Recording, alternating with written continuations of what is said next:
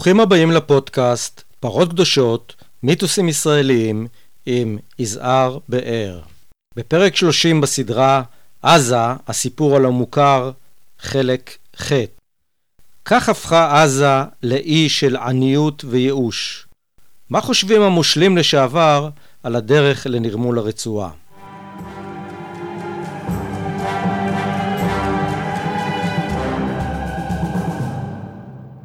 פרק זה עולה לאחר מספר שבועות של אירועי מחאה אלימים, במהלכם ניסו צעירים עזתים נואשים להסתער לעבר גדר הגבול אל מול קנה הרובים של הצלפים הישראלים, ורבים מהם, כמאה עשרים בחודש האחרון, אף שילמו בחייהם. העילה המיידית הייתה העברת השגרירות האמריקאית לירושלים.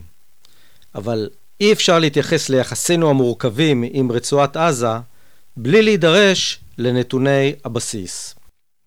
51 שנה אחרי כיבושה, 13 שנים אחרי ההתנתקות ממנה, ויותר מעשור לאחר השתלטות החמאס עליה, מוסיפה ישראל לפקח על תחומים רחבים של החיים ברצועת עזה.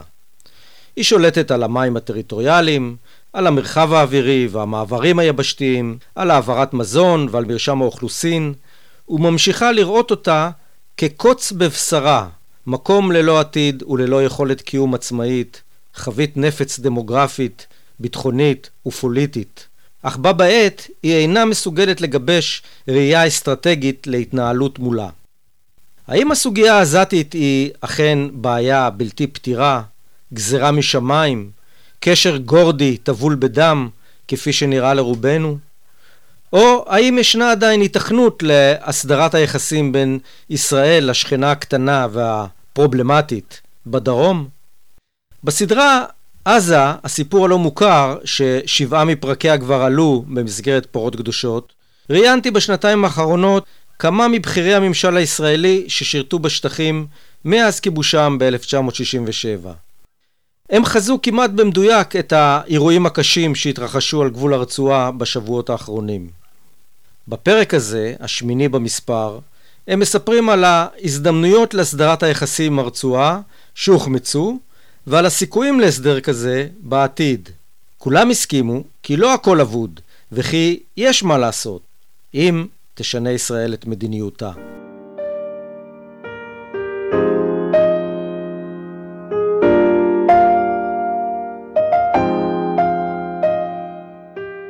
בר-לב קנה סוס גנדי הביא אריות. בסכמו את ניסיונו כמושל עזה וצפון סיני בראשית שנות ה-70, ציטט האלוף בדימוס יצחק פונדק את סופר המתח מוריס ווסט שכתב בספרו סנגור השטן. ציבור מנוצח אינו מסוגל להיות לויאלי לשלטון הכובש, כי הוא איננו מאמין באף אחד, אפילו לא בעצמו. גם אם המנצחים מבטיחים לו ערים וגבעות, איש אינו מאמין בכך. המנוצחים מסתכלים על כיכר הלחם הנמצא מול העיניים ותוהים כמה נדרש לשלם עבורו. הרעבים אינם מאמינים בכיכר הלחם שהם רואים עד אשר לא בלעו אותו ממש. ופונדק הוסיף על דברים אלה. כשראיתי את עוניים ודלותם של פליטי הרצועה, הבנתי כי הרגעת הרצועה תלויה בראש ובראשונה בהטבת מצבם הכלכלי במציאת פרנסה לכל דורש, וכי לחימה בארגוני הטרור בלבד לא תפתור את הבעיה. הרעיון שקיימתי עם פונדק התקיים בביתו בכפר יונה חודשים אחדים לפני מותו באוגוסט 2017 בגיל 104. אתה חושב שהיה יכול להיות פתרון לפרובלמה של עזה אם היינו נוהגים אחרת? בהחלט, כן, תסתכל. אתה זוכר שהיה דוקטור חיידר עבדל שפי. כן. דוקטור חיידר עבדל שפי היה, היה אחד מהמנהיגים הבכירים כן. נגד טרור, הוא לא אהב אותנו, כן. אבל הוא היה נגד טרור. וכשאני גמרתי שנתיים, הוא הזמין אותי למסיבת פרידה. רצועת עזה שקטה לחלוטין. ילדים היו מתרוצצים לחבק לנו את הידיים. ואני בא אליו הביתה, 35 אורחים עזתים מנהיגים, ישנם ארוחת ערב. אתה יודע, אם אתה מוזמן לזמן קצר זה קפה. כן. אבל אם השולחן נשבר מאוכל, למה אתה לא נשאר פה עוד שנתיים? אמרתי, תראה, אני, אני לא קובע. הנוהג הוא במדינה שכל שנתיים כן. מפקד מקבל תפקיד אחר. הוא אומר, אז תגיד לראש הממשלה שלך שייתנו לנו דרכונים ישראלים. אני אומר לו, אתה רוצה להיות אזרח ישראלי? הוא אומר, תוסיף לראש הממשלה שלך, שאם תצאו מפה, אנחנו מצטרפים לירדן. אתה זוכר? בטח. אנחנו מצטרפים לירדן, יהיו שתי מדינות, ירדן וישראל. אמרתי, תראה, אני זה לא יכול לשנות, אני לא ראש ממשלה. אז הוא אומר, אז תוסיף לה, אנחנו ננצח אתכם במיטה. אני, אני חוזר, כן. אנחנו ננצח אתכם במיטה. אז היה לנו 400 אלף, כן. היום שני מיליון. אז מה, אז מה הפתרון האפשרי שהיה? תראה, האופציה- לו- האופציה לו הירדנית? היו מקבלים את ההצעה שלו, אופציה ירדנית. היו שתי מדינות, כן. אבל קרה לישראל אסון. הניצחון בששת הימים נכנס רע איומה. איומה. הרי גם כשאריק שרון הוציא את היהודים מרצועת עזה, לו הוא היה מנהל משא ומתן עם הערבים מקודם, והיה אומר להם, אני מוציא, אבל השלטון הצבאי אצלנו, הם היו מסכימים. זאת אומרת, אבל הוא הוציא ולא דיבר איתם שום דבר. הוא עשה את זה באופן חד צדדי.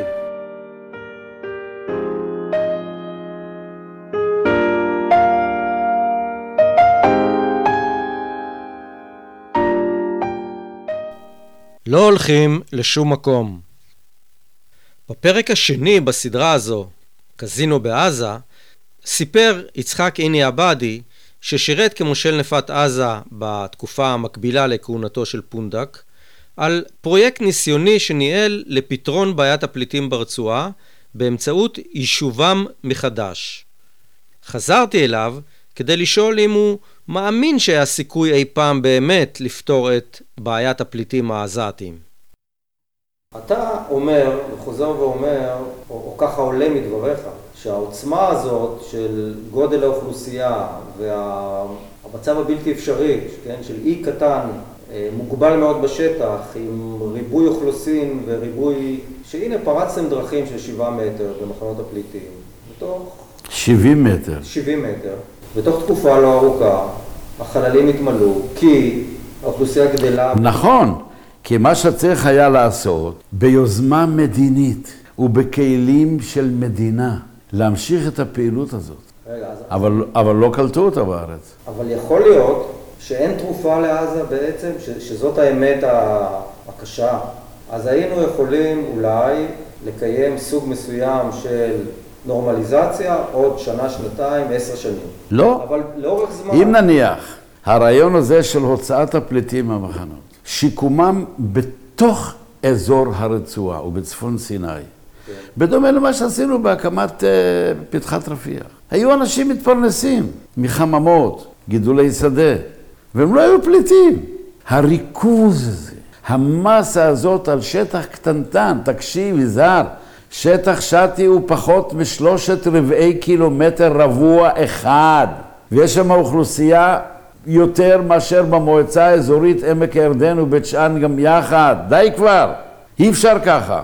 הסיפור, אחרי מלחמת ששת הימים, שאפשר לעשות להם טרנספרים, תאמין לי, כל מי שדיבר איתם הוא ברצינות ובדרך מתמשכת, הם אומרים דבר אחד למדנו, לא הולכים יותר לשום מקום, לא הולכים. רצועת עזה של חמאס היום, בלי מחנות הפליטים, הייתה נראית אחרת לגמרי. האם אתה יכול לתמצת מה לדעתך היו הטעויות של ישראל לאורך השנים שנעשו ביחס לרצועה? עוד בתקופה שלפני מלחמת ששת הימים. פעולת עזה, פעולת ח'אן יונס ועזה ב', הפשיטות של הצנחנים לתוך גבול הרצועה, מה הייתה מטרתם? מטרתם הייתה להתסיס את תושבי המחנה אל מול נאסר במצרים. איוולת, זה קשקוש. זה כל. שלושת הפעולות האלה, עזה א', עזה ב' וח'אן יונס, שפשטו על מחנות הפליטים, היו שטות. ככה יוצרים טריז בין הפליטים לבין, אה, לבין נאסר. אני אגיד משהו יותר מזה, והוא חמור, הרבה יותר ממה שאתה התכוונת בשאלה שלך. ישראל לפני מלחמת ששת הימים לא השלימה עם קווי שביתת הנשק. בן גוריון לא יכול היה, לא יכול היה לבלוע אותם. תשים לב, אתה יכול להצביע לי על מקרה אחד שצבא מצרי עבר את הגבול ועשה פעולה כלשהי בתוך שטח ישראל עד מלחמת ששת הימים, לא תצליח. לעומת זה, אתה זוכר שכאשר אדם רצה קידום בצבא, היה צריך לעמוד בכמה תנאים. פזם, ברור. תקן, ברור. אבל כמה פעמים עברת את הגבול? כל כמה שעברת יותר פעמים בפעולות כאלה ואחרות את הגבול, אתה הופך להיות למוערך יותר. וכשאתה בודק ולומד, לא היה, כמו נאסר, שלאחר מלחמת השחרור, לעשות על מנת להרגיע את קו שביתת הנשק. אחרת, איך תסביר את הפעילות של מוסטפא חאפז? איך תסביר את מה שנקרא המחלקות הקלות שהוא הקים? איך אתה תסביר את ההוראות הצבאיות של איסור התקרבות לקו הפסקת האש? מניעת מנות מזון מן הפליטים שהתקרבו לכביש? ישראל לא רצתה בזה. בן גוריון רצה את עזה? בן גוריון... בעובדה, בעובדה, אני לא יודע אם תוכל למצוא עוד איש שעשה על מנת לסכל חדירות של פדאיון לתוך גבולות מדינת ישראל כמו מוסטפא חאפז. והוא חוסד על ידינו. הוא היה באיזה תפקיד? היה במודיעין המצרי. המודיעין, עכשיו, תשים לב. למה חיסלנו אותו? כי לא רצינו בשקט על הגדר. נורא פשוט. זה כהערכה או כ... לא, בוודאי. אני מציע לך, תקרא את הספר מצרים 1950-53, שהוא כולו מבוסס על הווקעה אל-פלסטיניה. תבדוק, הוא מדויק. אני האזנתי להרצאה שלך משנת 72. אתה מדבר לפני אורחים שלך מהתנועה הקיבוצית, ואתה אומר שם, בין השאר, וזה בלט לאוזן שלי, 72, אני מקבל אתכם כאן מתוך הנחה שאנחנו שותפים לרצון או למוטיבציה שעזה תהיה חלק ממדינת ישראל. ברור. תראה, חלק בלתי נפרד, ולא סתם, אלא הריביירה הישראלית תהיה שם. הוקם משרד שנקרא יונה פייטלזון, השקיעו בו המון כסף, היה לו סמלים ופלקטים. רק שאלה אחת לא שאלנו את עצמנו. מה עושים עם... עם... מה עושים עם המיליון וחצי איש האלה? זאת השאלה. למה השאלה לא נשאלה? יזהר, תשמע, היה איש שנקרא רבינוביץ', היה אחראי על בנייה כפרית, היינו בידידות גדולה, ואמר לי, קח אותי יום אחד לתעלה. ברור. אמר לו, מה, כל כך נחמד, כל כך זה, נסענו לתעלה, ועשינו את כל שורת ה... בקו בר לב היה מעוזים ותעוזים. המעוזים היו על גבי הסוללה, ואתה זוכר, בכל ראשון, שני או זה, בקו, היו מגדלים של 40 מטר גובה. אנחנו עולים על מגדל כזה, והמגדל מתנדנד ככה, הוא אומר לי, תשמע, תגיד לי, אתה רואה את מה שאני רואה? אני אומר לו, מה אתה רואה? הוא אומר לי, שחור משחור, תסתכל, שתי ארמיות פרוסות פה, מהתעלה עד האופק. וכל התעלה זה 80 זה מטר רוחב. מה, מה יהיה אם יקומו וילכו? אתה יודע מה אמרתי לו? שינסו. זה מעבר מים, מכשול מים, לא ניתן לחצייה. ואם הם ינסו, אנחנו גם נדליק את התעלה. רק הטמבל הזה, כמוני, לא שאל, איפה מיכל הדלק? איפה מיכל הדלק? אז אמרנו, מה, לא אמרנו שאנחנו מעצמה שנייה או שלישית? גם את זה אמרנו. אז מה אם אמרנו? תראה, זה האופוריה, זה הטירוף, זה הטירוף, זה האופוריה, זה הריחוף. אותו דבר, מעצמה שנייה, שלישית. אה, אתה לא זוכר? תוך שעתיים אנחנו בבגדד, ובאותו זמן גם בקהיר וגם בדמשק וגם בטריפולי במגרב, לא טריפולי בלבנון. זה הטירוף. כשאתה היית עד או נוכח או שותף בפגישות של הפיקוד הבכיר, האם היה קול אחר, קול שהתריע, שהיה רענן במחשבתו, רואה למרחקים, לא. מה שאחרים לא ראו? לא. לא, בחיי שלו. להפך, הלוא זה הדיונים שהיו עד מלחמת יום הכיפורים. תוך שעתיים, ככה, יש לנו רק בעיה אחת, יזהר, מה הבעיה? איך אחי ריבירי ידביק את קצב השריון? תוך שעתיים. אנחנו עושים ככה ובזה נגמר העניין. כי עד מלחמת יום הכיפורים, באף מלחמה הם לא נשארו, פשטו את הנעליים וברחו. מלחמת יום הכיפורים, זו הייתה הפתעה. הם לא בורחים.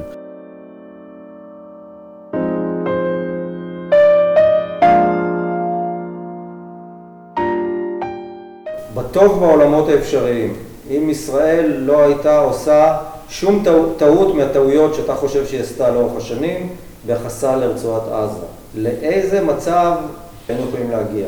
תראה, אני לא אדון ולא אשפוט אם צריך לתת לערפאת להגיע לרצועה או לא. לא אדון ולא אשפוט. אבל בכל מקרה, לא היה קם הארגון הזה שנקרא חמאס, האחים המוסלמים. למה? למה כן?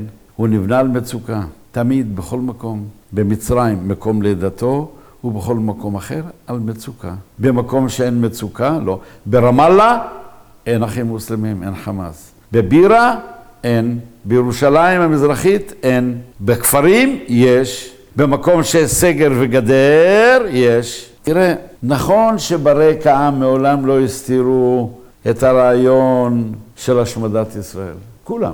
אבל כל זמן שזה לא אפשרי, אז צריך לעשות דברים אחרים. כל זמן שאי אפשר לעשות את זה, אי אפשר להשמיד אותה. אז צריך להפוך את החיים לכאלה שהם אפשריים. זה אגב דומה מאוד לטעות, לטעויות שנעשות היום. תשמע, בעל חיים כמו חתול, אם אתה מביא אותו, לפ... הוא בורח.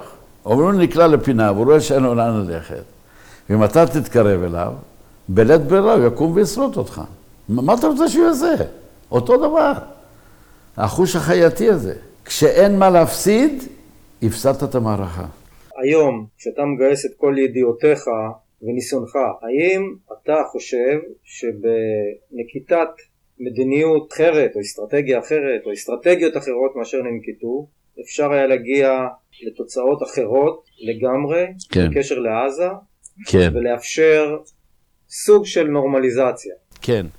תראה, צריך לזכור שהתשובה לא יכולה להיות נכונה לגבי שני מצבים שעברו על רצועת עזה. שלב שהייתה נתונה תחת שלטון של אש"ף לאומי חילוני, זה עולם אחר לגמרי, לעומת מצב שהיא נשלטת על ידי תנועה דתית אסלאמית. זה שני עולמות שונים. אבל בכל מקרה, אני מאמין, כי לא אני אומר את זה, הם אמרו את זה. לא רק אש"ף, בדמות הגעתו של אה, ערפאת ל- ל- לישראל, אלא גם הזהר. בפגישה שלו עם רבין אמר לו, אנחנו יכולים להגיע אל מה שהגעתם ביניכם לבין מצרים, ביניכם לבין ירדן, כלומר להסדרים שאין בהם סולח, אין בהם פיוס, אלא רק סלאם, שלום, בתנאים אחרים, בנוסחאות אחרות. זה לא היה נוח. תראה, יכולנו להגיע עם הפלסטינים, הן ברצועה והן בגדה המערבית, למצבים הרבה יותר סימפטיים, הרבה יותר אפשריים, אפשריים מבחינת החיים. אם היינו נוקטים במדיניות אחרת לאורך הדרך, שביסודה היא דבר אחד, חיה ותן לחיות גם לאחר. כאשר רצינו את הכל, יצרנו מצב בלתי פתיר.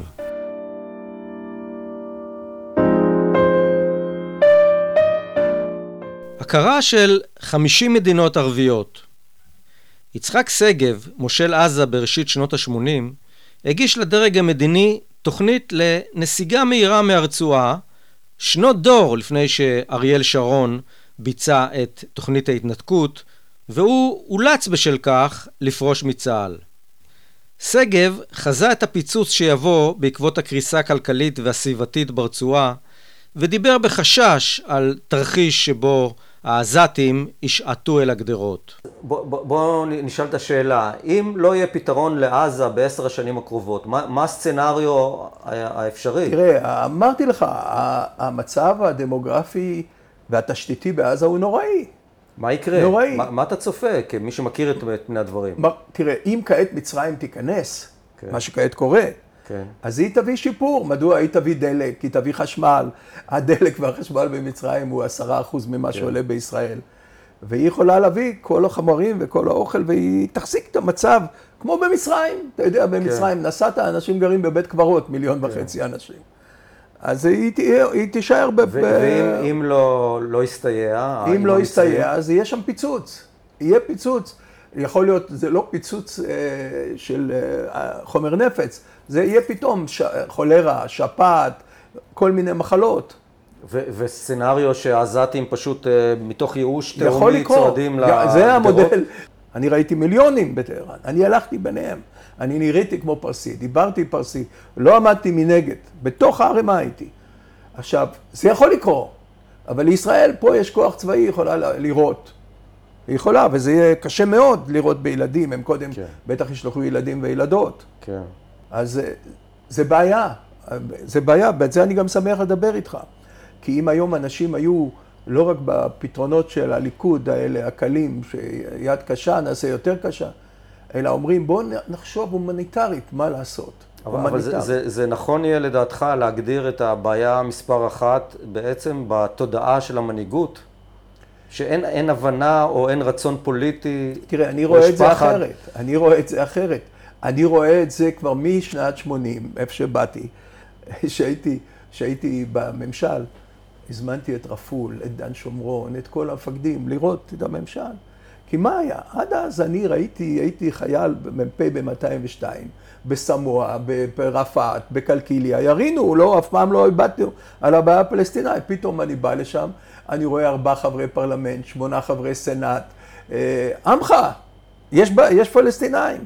זאת אומרת, כל הגישה שלי השתנתה בעקבות הלימודים ובעקבות המעבר העל רצוני לממשל הצבאי. ואז היה ברור לי שצריך למצוא פתרון לבעיה הפלסטינאית. כשאתה מדבר איתי על עזה, אז זה פתרון חלקי, אבל בעיקרון צריך למצוא פתרון לבעיה הפלסטינאית, אם אפשר בחלקים, בחלקים. היום יש פרטנר בצד השני לפתרון פוליטי? תראה, היום זה יותר קשה משתי סיבות. סיבה אחת זה כל מה שקורה במזרח התיכון, שכל המזרח התיכון בוער. סיבה שנייה זה הפיצול שיש בין, בין החמאס לאבו מאזן. אבל אם יבוא, כמו שאני אומר לך, הגוש האסלאמי הזה, שסעודיה וארצות המפרץ ומצרים וירדן, וזה מספיק, כי יש 58 ארצות ערביות ומוסלמיות. אני לא מדבר על, על, על כולם, מספיק רק איראן לא תבוא, אז רק 50 יבואו.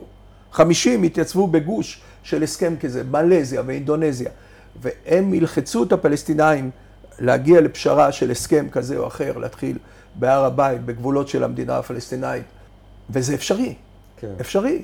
תבין, אם זה יקרה, ישראל פתאום מקבלת הכרה מ-50 מדינות נוספות. תראה, אני עובד עם סין, עם הודו, תראה מה קורה שם. פתאום תיפתח לך גם אינדונזיה, מלזיה, פקיסטן. ברור. פה יכול להיות גן עדן עלי אדמות במקום עוד התנחלות אחת.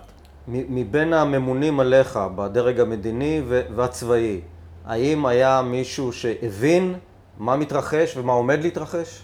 הייתי תחת דיין, קרוב. הייתי תחת פרס, קרוב. הייתי עם עזר ויצמן כמעט שנתיים. שלושתם היה להם הבנה מלאה, ואולי גם בגלל שהתפיסה שלהם טעמה את התפיסה שלי.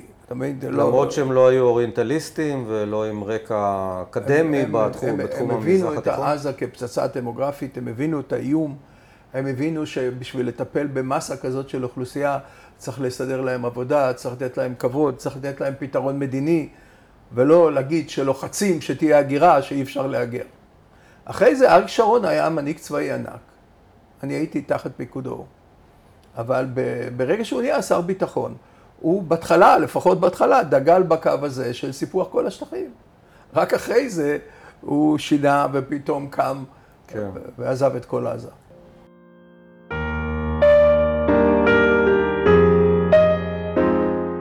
אי של עניות וייאוש. בסוף הדרך הגעתי אל האלוף בדימוס שלמה גזית, מתאם פעולות הממשלה בשטחים בעשור הראשון לכיבושם וראש אמ"ן לשעבר. גם גזית חזה בדייקנות את אשר עמד להתרחש כמה חודשים אחרי שיחתנו. הוא הציע רעיונות להסדרת היחסים עם הרצועה ונותר פסימי.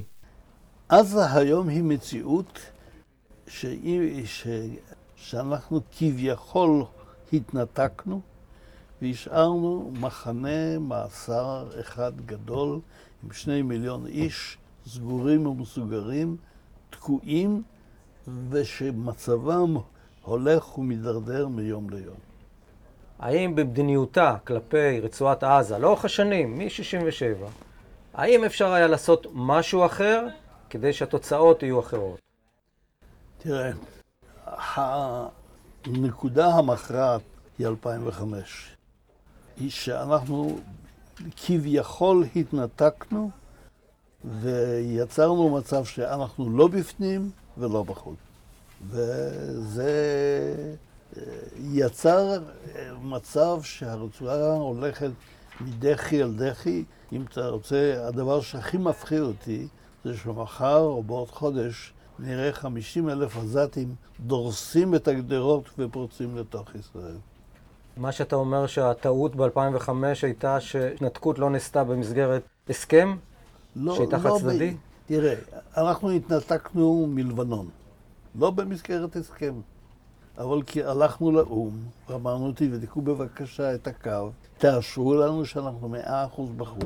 נשאר אויב מעבר לגבול בשם חיזבאללה, ועם האויב הזה אנחנו חיים כבר 17 שנה, ומסתדרים, לא רע. לא עשינו את זה בעזה. והמצור שנשאר על עזה, בים, ביבשה ובאוויר, בייחוד עוד למין מסה דחוסה כזו של אוכלוסייה, הוא אסון. בלי מים, בלי חשמל. תראה, הייתה גם אולי עוד אופציה. וזה כשניהלנו את המשא ומתן עם מצרים, שהמצרים יחזרו לעזה.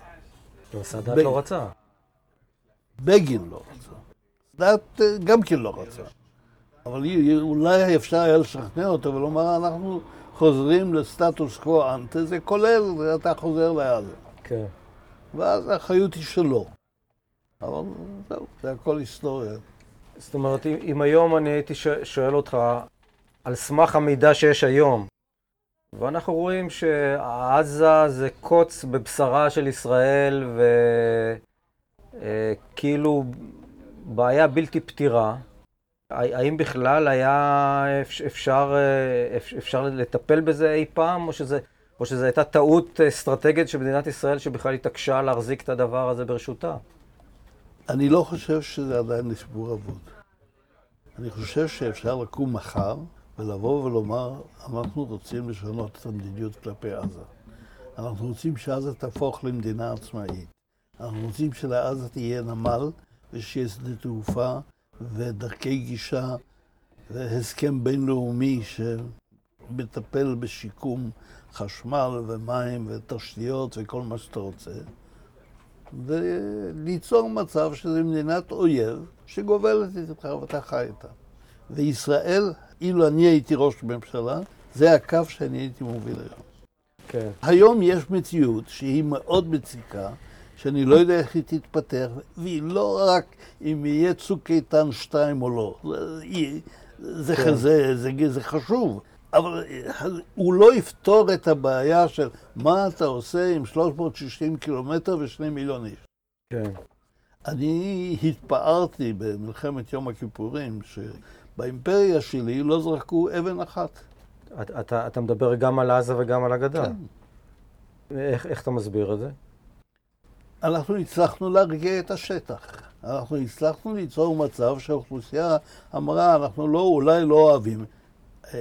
ב-87, 20 שנה אחרי המלחמה, הופיע באוניברסיטת תל אביב פרופסור ברנרד לואיס, והוא הוזמן להרצות על ישראל 20 שנה אחרי המלחמה. והוא פתח ואמר, יש שני מעשי ניסים בישראל שאני לא, לא יכול להסביר אותם. אחד זה למה ישראל דמוקרטיה. כל הנתונים ממשלות כן. יהיו דמוקרטיות. והשני, אתם יושבים פה ו-20 שנה ואין התקוממות. זה היה חודש לפני האינתיפאדה הראשונה. ההסבר שלו הוא שהם לא אוהבים אותנו, אבל אנחנו עדיפים על האלטרנטיבה. ואיך אתה מסביר לימים את פרוץ האינתיפאדה הראשונה? בכל, בכל זאת בניגוד לכל מה שאתה אומר עד עכשיו. שבכל זאת עברו 20 שנה, אתה לא יכול להחזיק אנשים תחת כיבוש ולומר, זהו, תאכלו את זה. ב', התחילה ההתנחלויות באופן מסיבי, ונוצרו הלחצים. כן. תגיד, ואתה לימים אה, התקרבת, בוא נגיד, למחוזות השמאל הפוליטי, או התפכחת? אני חושב שבגדול לא, לא שיניתי את דעתי. יש וריאנטים, ההתפתחויות בשטח יוצרים מצבים שונים, אצלם ואצלנו. כן. אבל בגדול, בוא נלך בגדול. אני מאמין שאין עתיד למדינת ישראל אם היא לא תצליח להגיע לפתרון מדיני.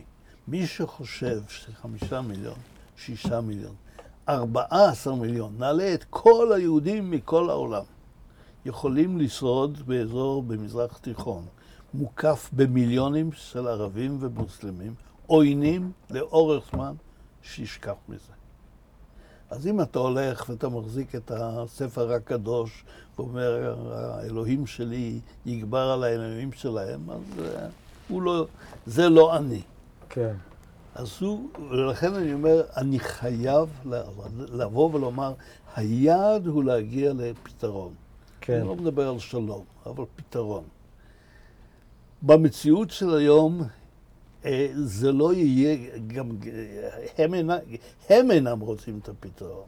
עדיין הקו הבסיסי הערבי, הפלסטיני, לא הערבי, הוא, מדינת ישראל צריכה להיעלם וכל פלסטין צריכה להיות ערבית.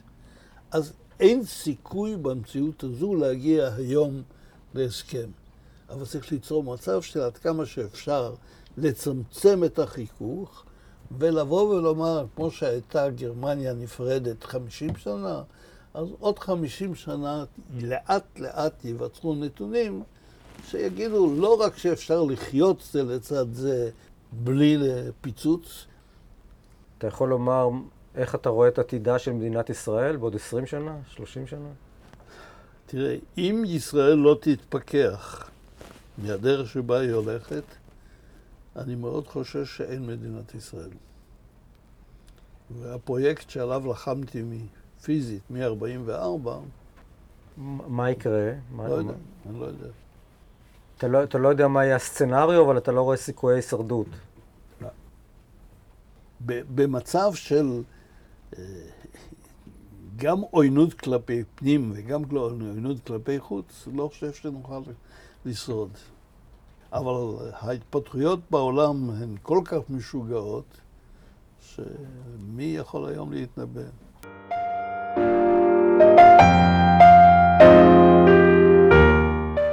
סיכום לזכור את הלקח המשטרתי הישן.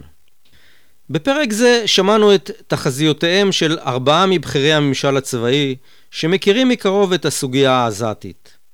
כולם צפו במידה כזו או אחרת עת שמתרחש לנגד עינינו ברצועה בימים אלה.